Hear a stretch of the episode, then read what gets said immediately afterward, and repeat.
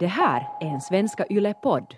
Statistiken visar att de flesta som dör när de bestiger berg så dör först när de kommer ner. Och det är på något sätt också så här symboliskt tycker jag för människolivet. Fan, jag blev mindblown just. För det där är ju så sant. Ja, jag Det är ju så sant.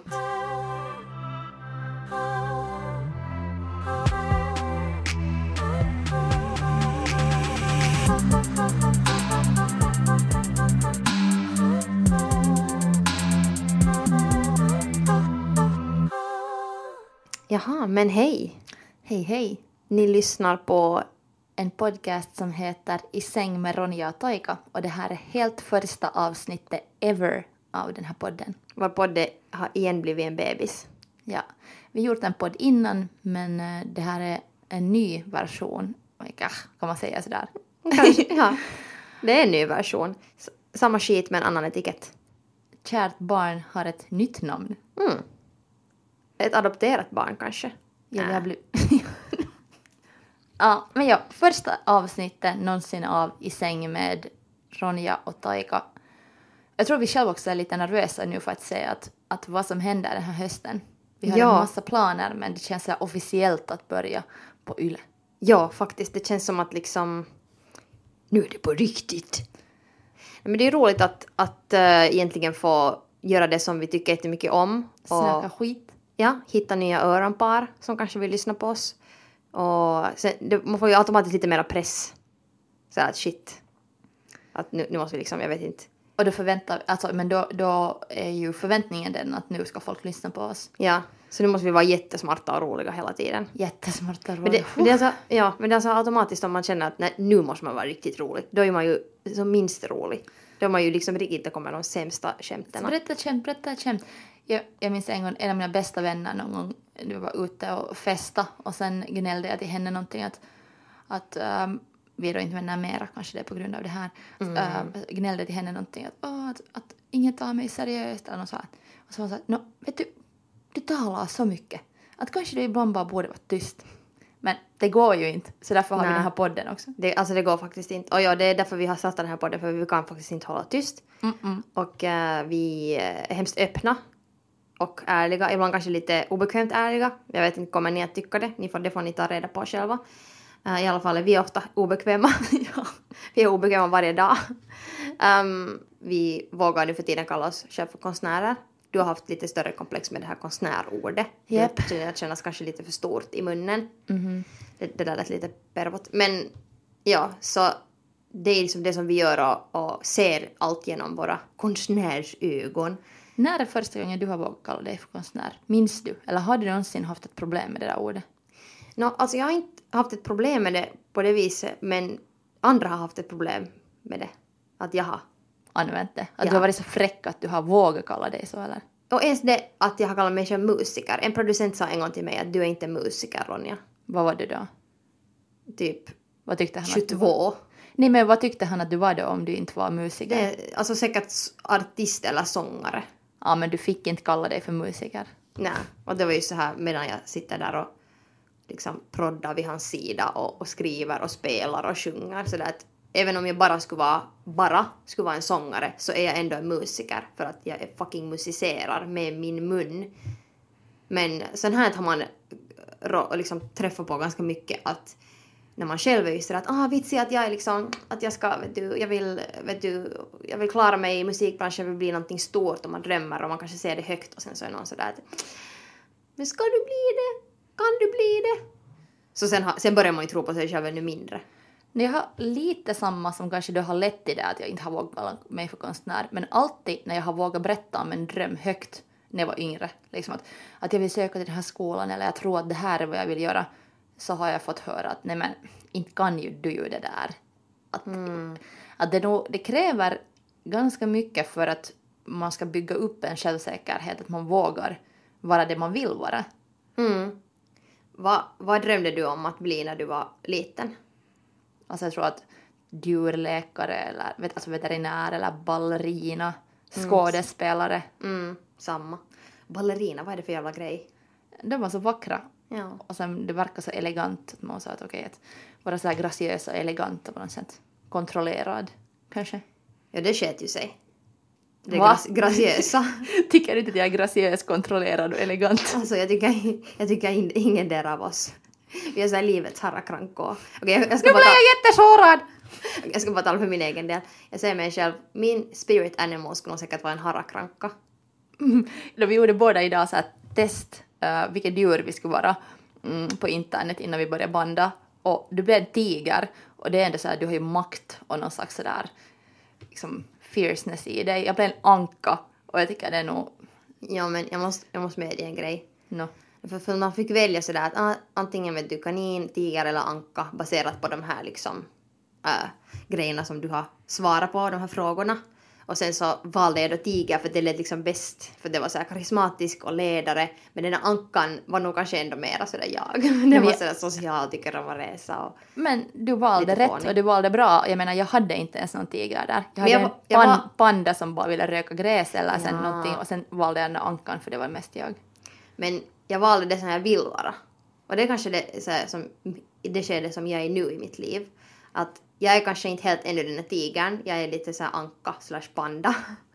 Men alltså, jag försöker göra mig själv mer till den här tigern. Och ibland kanske lura mig själv att jag är mer en badass än vad jag är. För sen blir man ändå ganska badass.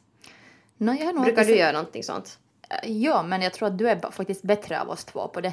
Och det är kanske därför jag någon gång back in time har blivit Ronja-fan. För att jag har sett dig sådär uppträda och insett din liksom star karisma.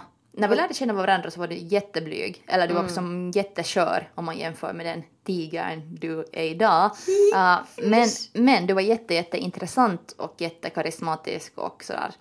Uh, att du utstrålar nog kreativitet och sådär stark karisma ändå.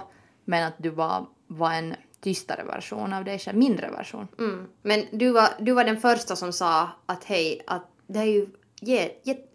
Jätte, Jättebra. jätte, liksom att det som du gör är så jävla nice. Heja Ronja! Att fortsätta göra det. Och på, alltså på riktigt hade ingen sagt det där till mig. Att de hade kanske människor varit sådär som jag jobbar med att att jo, jo, det här är ett sist eller den här, den här låten är kanske nu bättre än de andra låtarna som du har skrivit. De andra låtarna som är hemskt dåliga. Men sådär att det...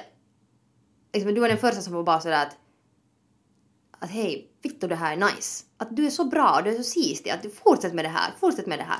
Utan att liksom ge någon kritik eller utan egentligen att måste veta så mycket annat att på något vis eh, för att du skulle få, liksom måste veta någonting annat om min kredibilitet eller någonting utan du bara så här blint var sådär att hej, Vittu du är badass.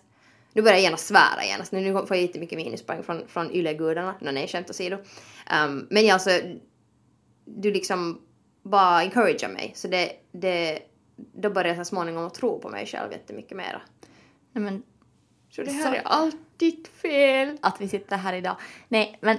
Så tack sånt- för det, det vill jag bara säga tack. Nej, varsågod. Och jag menar, sånt behövs så mycket. Um, Jag hoppas jag kan göra samma till dig. ja, men du har många gånger. Men nu så, jag tackar dig sen senare i senare avsnitt Okej. och ger exempel. Men till exempel, jag har en hissalärare som sa till mig i högstadiet en gång sådär att vet att du kan bli vad som helst. Och jag var såhär va? För ingen hade i mitt hela liv sagt så, att jag kan bli vad som helst och det var så stort. Och sen tänker jag tillbaks, ungefär ett år tillbaka på sommaren så sa en min kompis när jag visade till henne ett mitt konstprojekt som jag hade då jobbat med jättelänge så visade jag det henne och hon var sådär det här är jättebra, det här är jättesist, gör det här till slut. Att när du har gjort det här till slut så hjälper det dig att göra en utställning. Jag tror att det är just att man behöver sådana karaktärer alltid ibland i sitt liv. Att det är en så mänsklig grej att behöva få känna sig lyckad ibland.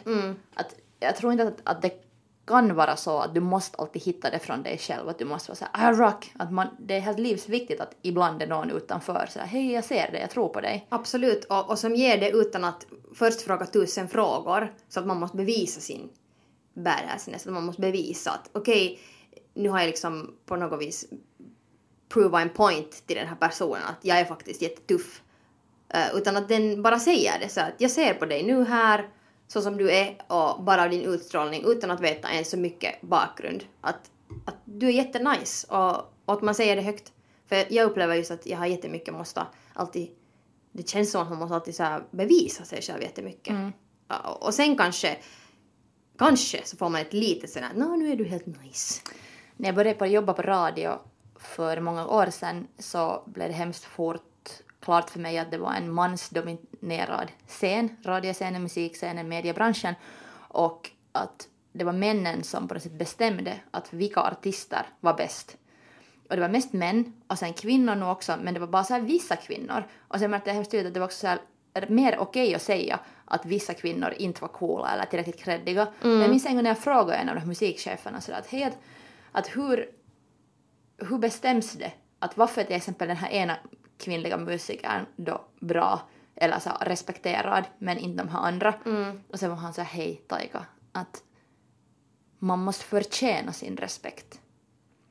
Och jag minns att jag, fick såna nippor av det. Jag sa att sådär vill jag inte leva, det där, jag tror inte på det där. Att det är på något sätt sådär, no, Lauren Hill, smarta gudinnan Lauren Hill har sagt att baby girl respect is just the minimum. Och det tycker mm. jag är någonting som, som man mer ska preach out till yngre, yngre kreativa, alltså alla människor. Mm. Alltså att du ska respektera dina medmänniskor och vara empatisk och försöka förstå dem. Och sen, ja, det är utgångspunkten. Ja, och inte sådär att man måste alltid kämpa för att kanske någon gång få respekt. Jag kommer ihåg ännu för, alltså för tre år sedan så tänkte jag att jag hade på ett sätt nästan accepterat att jag kommer inte att bli respekterad i studion eller jag kommer inte att bli respekterad i, i liksom det här mötesrummet runt bordet mellan de här killarna. Att jag måste bara liksom jobba nu reven av mig och bli typ så här försöka sikta mot Beyoncé så här eh, nivån och, och sen liksom sen kan jag få den respekten för att sen är jag liksom Beyoncé så sen sen så måste de respektera mig annars så får de sparken eller sen så här att, att men det här var min logik att jag måste bli så där stor för att någon ska kunna respektera mig och lyssna på mig. Att det finns ingen chans att någon gör det nu eller sen när jag är lite mer framgångsrik eller jätteframgångsrik utan jag måste vara sådär fucking framgångsrik för att någon ens ska lyssna på mig. Men som tur så insåg jag sen småningom att det här är ju jätte... Det här är ju helt åt skogen. Att jag börjar liksom lära mig att den respekten ska komma från början. Men oberoende. Och om den inte kommer så då jobbar man med fel människor, då måste man byta ut dem. Exakt, och där är det kanske, det är en nyckel som vi båda har nu inom några år då, och särskilt under det senaste året insett. Och det kanske inte minst på grund av att metoo hände ett år sedan. Ungefär exakt ett år sedan så spred sig metoo-kampanjen runt sociala medier och ja, no, alla medier runt världen. Och det har gett så mycket kraft till kvinnor runt världen att använda sin röst och ta sin plats på ett helt annat sätt. Att jag tror inte att jag i alla fall insåg ens då, vi skämtade till och med i vår dåvarande podd sådär haha att just när vi har paus så händer metoo. Mm. Eller på något sätt att vi startar det här, utan skämta. Men yeah. att, att, det var liksom samma grejer som vi hade tänkt på som kom fram under den kampanjen. Att, att hur är det som kvinna så svårt ibland att få sin röst hörd. Och nu under det här senaste året har det varit lättare än någonsin. Men det är ännu också skitsvårt. Mm. Metoo har varit lite som så här D-vitamin på vintern. Ja, ja. Att vintern försvinner inte men man klarar det lite bättre. Att man har fått sån här styrka. Och, och liksom att det är ju inte bara, det handlar ju inte bara om just den här makten och, och så här sexuellt ofredande utan bara så här gemenskap och att kommunicera bland såklart alla människor men speciellt kvinnor sinsemellan och transpersoner, att vi kan ha en gemenskap och förstå varandra och hjälpa varandra. Och där är någonting kanske av det som har ändrats mest i mina arbeten efter metoo, att flera kvinnor jag har fått jobba med mera fantastiska kvinnor och jag har själv också insett att jag inte behöver jobba för eller med sådana personer som det känns fel och jobbigt och svårt med. Och nu menar jag inte så att om någon säger att oh, den var lite störande, mm. utan mer så att om någon är sexistisk eller rasistisk eller, eller inte respekterar en så behöver jag inte arbeta med den. Att nu på något sätt på senaste tiden så har det blivit så, så klart att det finns så mycket bra typer. Mm. Är... Och också både liksom tjejer och killar. Att jag upplever också att många så här, liksom de männen som har de här jätteproblematiska beteendena så de blir på något vis tydligare. Mm. Och sen de som verkligen stöder oss och stöder andra struggles än deras egna så de kommer också fram, tycker jag, ibland tydligare. Att man träffar på killar som säger att de, de liksom vill förstå och de vill lära sig. Och det tycker jag är fantastiskt. Så, så då liksom hittar man ju sådana allies, alltså då, vad heter det på svenska? Det heter ju no, sådana Gängsmedlemmar. jag vet inte. Gängmembers. Stödspersoner, jag ingen Ja. aning. Men alltså folk som tänker likasinnat. Vänta, vänta, vänta, jag måste googla det här. Ally. Nu skriker ni där hemma sådär du det här ordet. Vi sätter lite hissmusik hit nu. LOL. Allierad. Allierad, okej. Okej. Vi gjorde det för svårt. Men i alla fall. Så, så jag upplever i alla fall att, att jag har hittat jättemånga allierade. Och det är jättefint. Och klart att man hittar ju mer och mer. Men mest hittar jag dem nog i andra tjejer. Och det är att man lär sig. Man får så mycket. Jag har fått så mycket hjälp av andra tjejer. Med min kommande video, med min med alla möjliga kvinnliga producenter och allting. Det är liksom oändligt. Ja, du, den här hösten också när vi poddar, men poddar här på Yle så kommer vi snacka mycket om din nya musik för att du har haft en liten paus i din musikkarriär som artist. Eller den har, det har inte varit en paus i den, men den har... Jag har inte varit i... Liksom, jag har inte varit framme. Ja, och du får nu på hösten äntligen släppa ny musik. I alla fall ett, nu under några år när vi har varit vänner så har jag också sett hur på något sätt kvävd du har varit som konstnär och musiker av att inte få ge ut din konst. Att det, det har också varit något intressant men också sådär frustrerande att se att vad som händer med en konstnär när den bara inte, att den är skapare, skapare och, och på något sätt researchar och gör men att den inte får ge ut konsten. Att där är din och min bransch ganska olika på det viset att, att, du som musiker är fast i, i skivbranschvärlden och jag då som bildkonstnär är mer ändå kanske independent. Att jag, jag bestämmer mer när jag ger ut och jag har ju också jobbat mycket genom sociala medier, liksom direkt posta min, min konst sant. till exempel på Instagram. Så då har jag liksom lärt mig också respektera äh, musiker på ett helt annat sätt också och, och lärt mig tänka och liksom jag tvingas tänka kanske också på olika regler som också konstnärer tvingas in i på grund av att, att viss konst är mer kommersiell än annan konst. Okej, nu är det dags för veckans Fire Round. Och i Fire Rounden så frågar jag och Taika varandra Pest eller kolera? mm, dumma frågor. Eller smarta frågor. Det kan Ja. vara filosofiska dilemman eller sen kan det vara sådär kaki eller pruti Okej, typisesti. får jag börja? Ja. Fråga dig alltså. Mhm. Sömn eller fest? Hej, snabbare. Okej, oj, oj, det var det som var Fire Round. Okej, okej, okej. Eh, eh, eh, sömn. Champagne eller öl? Champagne. Vän eller familj? Familj. Det var mina. Din tur. Okej. Jag ska också ha svarat sömn just nu liksom. Ja, alltså för jag tänker att, att man kan festa men liksom, jag, jag brukar alltid ändå prioritera mitt sådär jobb. Okej. ehm, Okej, är du färdig? Mhm. Okej. Skulle du hellre dejta någon som luktar starkt kiss eller någon som har jättedålig happis? Alltså andedräkt. Alltså, vänta, att den luktar allmänt bara jättemycket kiss. Det luktar starkt kiss eller har dålig andedräkt. No, dålig andedräkt nog. För jag har till och med dejtat såna, ja alltså ja, usch, det är hemskt men det, ja, Skulle du hellre vara diktator eller slav? diktator. Ehm, om du är på en tågskena och, och tåget håller på att crasha in i 17 människor som du inte känner.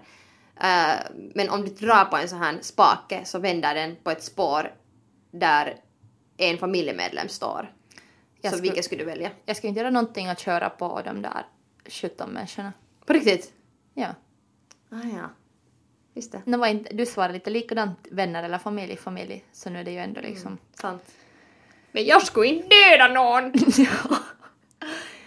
Men det är jätteintressant. Alltså jag, var, jag, jag gjorde det, jag skulle själv, om ni undrar vad jag skulle svara, så jag, jag skulle nog döda en familjemedlem. Ah, ja, okej. För att, för att jag skulle aldrig kunna, eller jag skulle, oberoende skulle jag inte kunna leva med mig själv.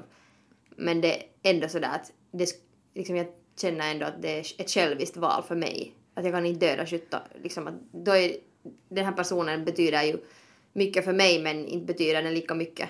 No, okej, beror lite på vilken familjemedlem. Jag, har, Ja. jag tycker lite olika om mina familjemedlemmar. Så om det skulle vara min favoritfamiljemedlem så är svaret ganska klart. Men sen om det är någon jag tycker lite mindre om. Men samtidigt sen, om det är de där 17 människorna som på det ena spåret och jag inte behöver göra någonting. Alltså det är ju det att, att för att den ska vända på min familjemedlem så måste jag dra i den där spaken. Mm. Men om jag bara inte gör någonting, om jag bara så, "Ah, jag vet inte, kan inte, kan inte, jag vet inte vad jag ska göra! Eh, Mm. Och sen bara far taget vidare. Och sen är man såhär, "Ah, jag, jag visste, jag kunde bara att inte göra något. ja. Ja, så Ja. Det, och så, så här feg passiv handling liksom. Jag tror att, det. tror att det skulle inte kanske jag kännas lika hemskt egentligen. Ja, och sen vet man ju inte om de där främlingarna där liksom. Att, usch, ja. Sen ska man få senare veta när man har dödat sin släkting att haha, det här är alla bara rapists. Jag skulle fråga dig en fråga som Lykke Li blev, blev ställd och det var att, att när, när har du känt dig då full eller liksom förfylld? För Lykke Li svarade så här shit. något- Full var jag förra fredagen. Haha! Eh, jag med faktiskt. Nej, men så här, när känner du dig förfylld? Och hon sa så här, shit att typ aldrig, att kanske efter en pizza. Så, och det var hennes svar. Och det var ju ett roligt svar men jag tänker på det att, hur, eller hur upplever du det? Är du sådär för evigt tom? Eller kan du känna dig förfylld ibland? Mm, jag kan känna mig förfylld i små stunder. En liten stund. En liten stund efter en spelning. Tills jag börjar längta efter nästa spelning. Eller några dagar efter att jag skrivit en riktigt bra låt. Tills jag börjar längta efter att skriva en till riktigt bra låt. Att det håller alltid en stund men, men därför vill man ju sen alltid göra mera för att man får så här små känslor av, av det. Ah yes, att det här är just det här som det handlar om. Och det här var skitroligt och man njuter av den stunden utan att tänka framåt. Nej, jag tror att där Hur tänker du själv? Nej, Jag tror att det där är en, en stor, stor nyckel igen. Hur många nycklar har jag talat om? Jag håller på att bli DJ Khaled. Major key. Major key! Men har du sådana stunder efter att du har ritat någonting eller postat eller för du, du, är- du är sån som är du är liksom mega produktiv i ditt sätt att jobba. Du, Ja, men- du postar jättemycket, du gör mycket grejer. Men jag försöker hellre minska ner på det för jag tror att, att, att jag har så länge sökt sätt att känna. Jag har känt så mycket att jag har försökt spy ut så mycket saker att jag bara sökt och sökt och sökt men just nu så försöker jag lite liksom editera mig själv för att jag har kanske äntligen hittat lite min röst och vad jag vill göra och då, då behöver jag inte mer spy ut utan då försöker jag koncentrera energin på vissa saker och sen sen presentera mina idéer på ett nytt sätt. Jag tror att min till exempel insta-spam-fas är lite över. Att så här hashtag what a girl feels var hemskt mycket det att jag inte visste vart jag skulle sätta mina känslor. Så spammar jag dem på insta. Att jag tror jag, jag är förbi den fasen. Men jag tror att, att det där som du sa, att man känn- känner att man är just i den stunden nöjd, att man inte heller genast tänker vidare, är just det där. Den där känslan av att vara förfylld. Men för mig oftast handlar det om något, när jag gör någonting för första gången. Så att när jag gör någonting jag njuter av jättemycket första gången. Att liksom första gången jag fick måla jättestort, en jättestor installation. Jag minns att fast jag var jättetrött och utmattad så var jag så nöjd för att det var så roligt. Och jag hade aldrig gjort det innan så jag hade inte haft några förväntningar som hade på något sätt förstört det än. Och jag visste inte att kommer jag någonsin göra det på nytt. Eller liksom hade inte planerat vidare så jag var jättenöjd. Men sen, sen lyckas jag inte riktigt rep reproducera de där känslorna på nytt. Att jag behöver alltid hitta ett nytt sätt. Att jag får inte den där samma kicken någonsin mera. Men känner du att du längtar tillbaks till den kicken? Att du medvetet tänker att ah, varför har jag inte den här samma känslan som jag hade då? Jag tror nog att allting jag gör handlar om att hitta, hitta de där kickarna. Att jag vill känna dem igen. Men att när det har hänt så få gånger i mitt liv och jag aldrig har lyckats just reproducera dem. Att det inte, jag har inte hittat något sådant sätt att alltid när jag gör det här så då känner jag så. Just det, alltså Så- en sak bara. Så därför måste jag på något sätt förnya mig själv hela tiden Mm. för att Intressant. jag får inte kicks.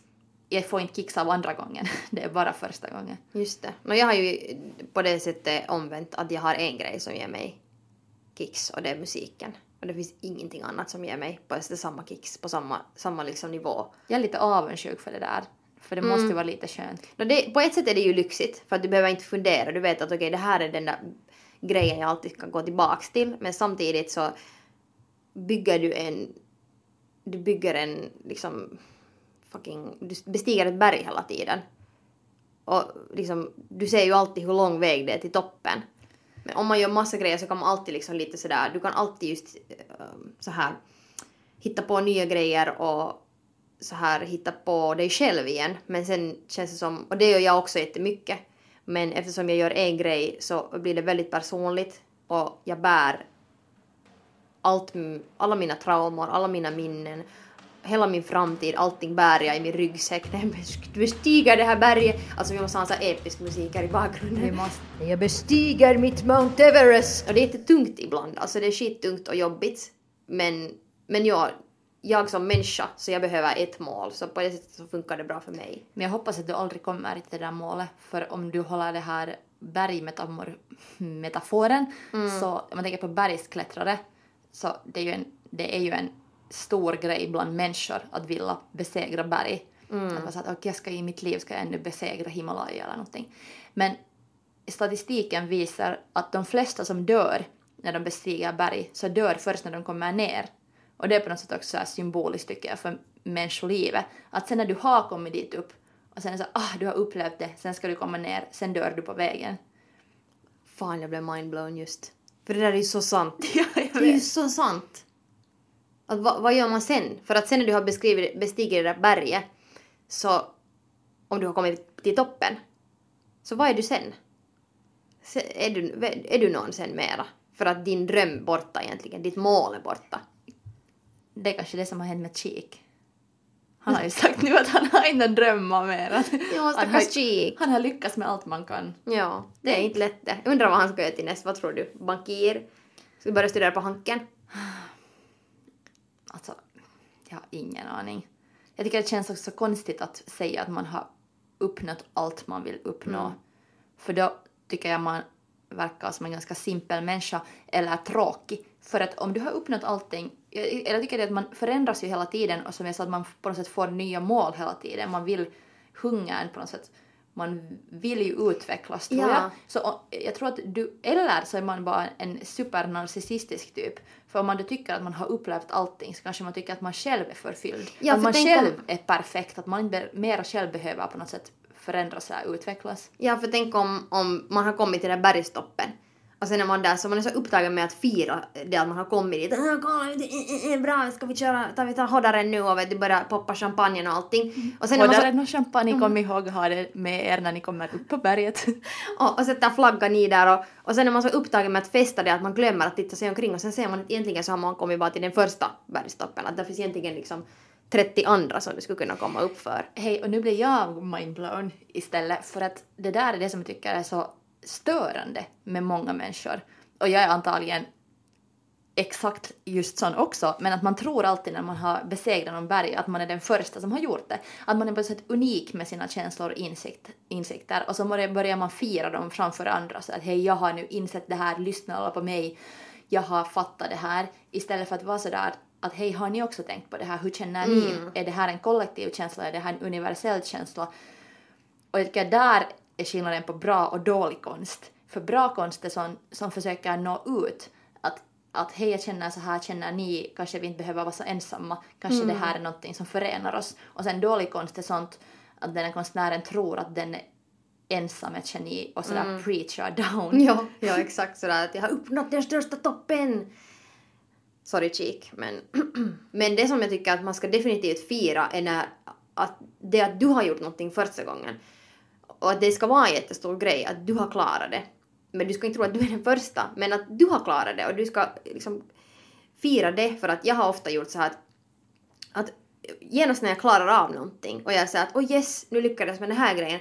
Men ja, de där artisterna har jag redan lyckats med för länge sen. Och sen så hackar jag genast ner på min egna framgång och sen så får jag inte njuta av det. Och jag har gjort det med de flesta sådana här största milestones i mitt liv. Att ah, men det här är ju redan gjort eller den där artisten gjorde det för hundra år sedan eller min syster har redan gjort det här eller whatever. Så sen så firar jag inte. Så det, det skulle jag sådär att, att, att jag skulle vilja säga till mig själv att fira första gången du gör någonting, även om du gör det tusen år efter alla andra, så är det första gången du gör det och det är fantastiskt. Tidigare när vi har gått i skolan så har man ju alltid haft den här avslutningen och man har kanske någon morgonsamling när skolan börjar och man har julfest och man har vårfest och man har höstlov och allt sånt här. Och, och liksom hela tiden klappar man sig. På det viset får man ju fira, men vi gör ju inte det i vuxen tid Nej. på samma sätt. Så Kanske vi du- borde kanske börja med något sånt här grejer. Alltså vi måste, för det första måste vi nu ha lanseringsfest, bara du och jag, Ja. för att vi har börjat en ny podd Mhm. i säng med Ronja och Taika. Vi ska ha fest tillsammans, gå på dinner och sen tycker jag efter den här höstens säsong vid årsskiftet så måste vi också ge diplom till varandra, ha någon så här, liksom inte nu avslutningsfest, men någon sån där mellanrapportsjubleri. Jättebra. Jag tycker att vi ska ha lite som en sån morgonsamling och sen så, sen så måste någon där när ena får ett diplom så måste den andra komma efter det här diplomet med så här klänningen i trosorna i rumpan. Ja, passar. Jag tycker det, det är liksom Och Vi och vi måste där. ge varandra blommor för att vi har så här blivit färdiga med en säsong. sant, just det. I det här skedet ska vi kunna påminna er lyssnare om att skicka feedback till oss om vad, vad ni skulle vilja att vi snackar om den här hösten. Precis, det kan vara vad som helst. Och om ni känner oss så kanske ni har någon aning om lite vad vi har talat om och hurdana grejer ni skulle vilja höra ännu på nytt eller fördjupade, för, fördjupat eller något helt nytt. Eller sen om ni inte har någon fucking aning om vem vi är så kanske ni vill veta mer om oss. Eller bara vill höra vad två tjejer i kreativa branscher skulle kunna tala om. Men hej, nu ska vi ta veckans dans! Det här är ett segment vad vi säger vad man inte ska göra. Det är jättesimpelt, enkla regler. Min don't skulle vara det att, att fokusera inte så mycket på vad andra gör utan fokusera på din egna grej. Om du märker att du för mycket sitter, istället för att jobba, så sitter du och tittar på vad andra människor gör på Instagram eller whatever. Det här gäller också både yrken men också privat. Att viktigast är att fokusera på sin egna grej. Min don't är att tro inte att du är först med en idé eller en känsla. Ja, cheek. ja, men det, eller det är ganska... Det är också jätteensamt. Att sök, sök istället liksom sådär researcha att vad har gjorts om den här känslan eller idén förut och, och gör konst som kanske... Eller jag tror att försök berätta om hur du känner men förvänta dig inte att du är den första. Så. Okej, okay, min skulle vara det att, att vara inte rädd att suga. Ja, den där, it's a hard one. Det är en svår en. Vet du, jag hatar att suga. Jag strugglar med det varje dag. Men man måste, så som du en gång sa till mig, att uh, Silvana, mamma har sagt att om man håller på tillräckligt länge så blir det konst. Så att liksom, man måste bara, vara, bara testa saker, bara experimentera och sen i något skede hittar man det där. Men om, bara, om man bara sitter och så här, hm, det här blir inte bra, sätter armarna i kors och inte gör någonting så då kommer man, liksom, når man inte något resultat så du kan inte komma till de intressanta grejerna. Så man måste bara våga vara skit. Japp. Och, och jag tror att det var den exakta quoten som Silvana då sa att om du liksom, om man håller på tillräckligt länge så blir det poesi. Har du ännu en? Ja, var inte rädd och vara någonting nytt. Liksom, tidigare sa att jag tror inte att du är den första, men nu säger att var inte rädd för att vara den första. Eller så här, vänta, inte, absolut. vänta inte tills att du ser någonting. Att aha, att det här händer och jag kan vara en del av det här. För att om du känner någonting så kan det vara just det som behövs göras då. Att du är så här, du har tagit referenser och influ, influenserats från olika håll och sen känner du någonting och har ett stort behov att skapa någonting men du har inte sett det ännu. Så då kan det bara betyda att, att det är just det som kommer snart att hända. Att det är så störande sen om du inte har vågat och sen kollar efter några år så alla andra gör det nu. liksom. Att trust your intuition och var inte rädd för det. Var inte rädd för något du känner bara för att du inte vet om det är så verkligt ännu. Alltså det var just vad jag behövde höra. För det, alltså jag, Yeah. det, nu för tiden känns det som att jag är den enda i rummet som vill göra en sak. Jag kommer på så många don'ts här hela tiden men jag säger bara en till don't och det här blir den, det här blir den längsta don't-listan. Men det här var, det här var en sån här liksom introduktions-don't. Så, så det kanske blir så extra men eh, en don't skulle vara att, att vara inte för fan rädda att mocka. För det, det är där man lär sig mest av. And that's all I'm gonna say. Men hej, tusen tack Taika. Tusen tack Ronja. Ja, om det var oklart så jag heter Ronja Stanley. Jag heter Taika Mannila Jätteroligt att ni lyssnade. och kom ihåg att Go fuck yourself!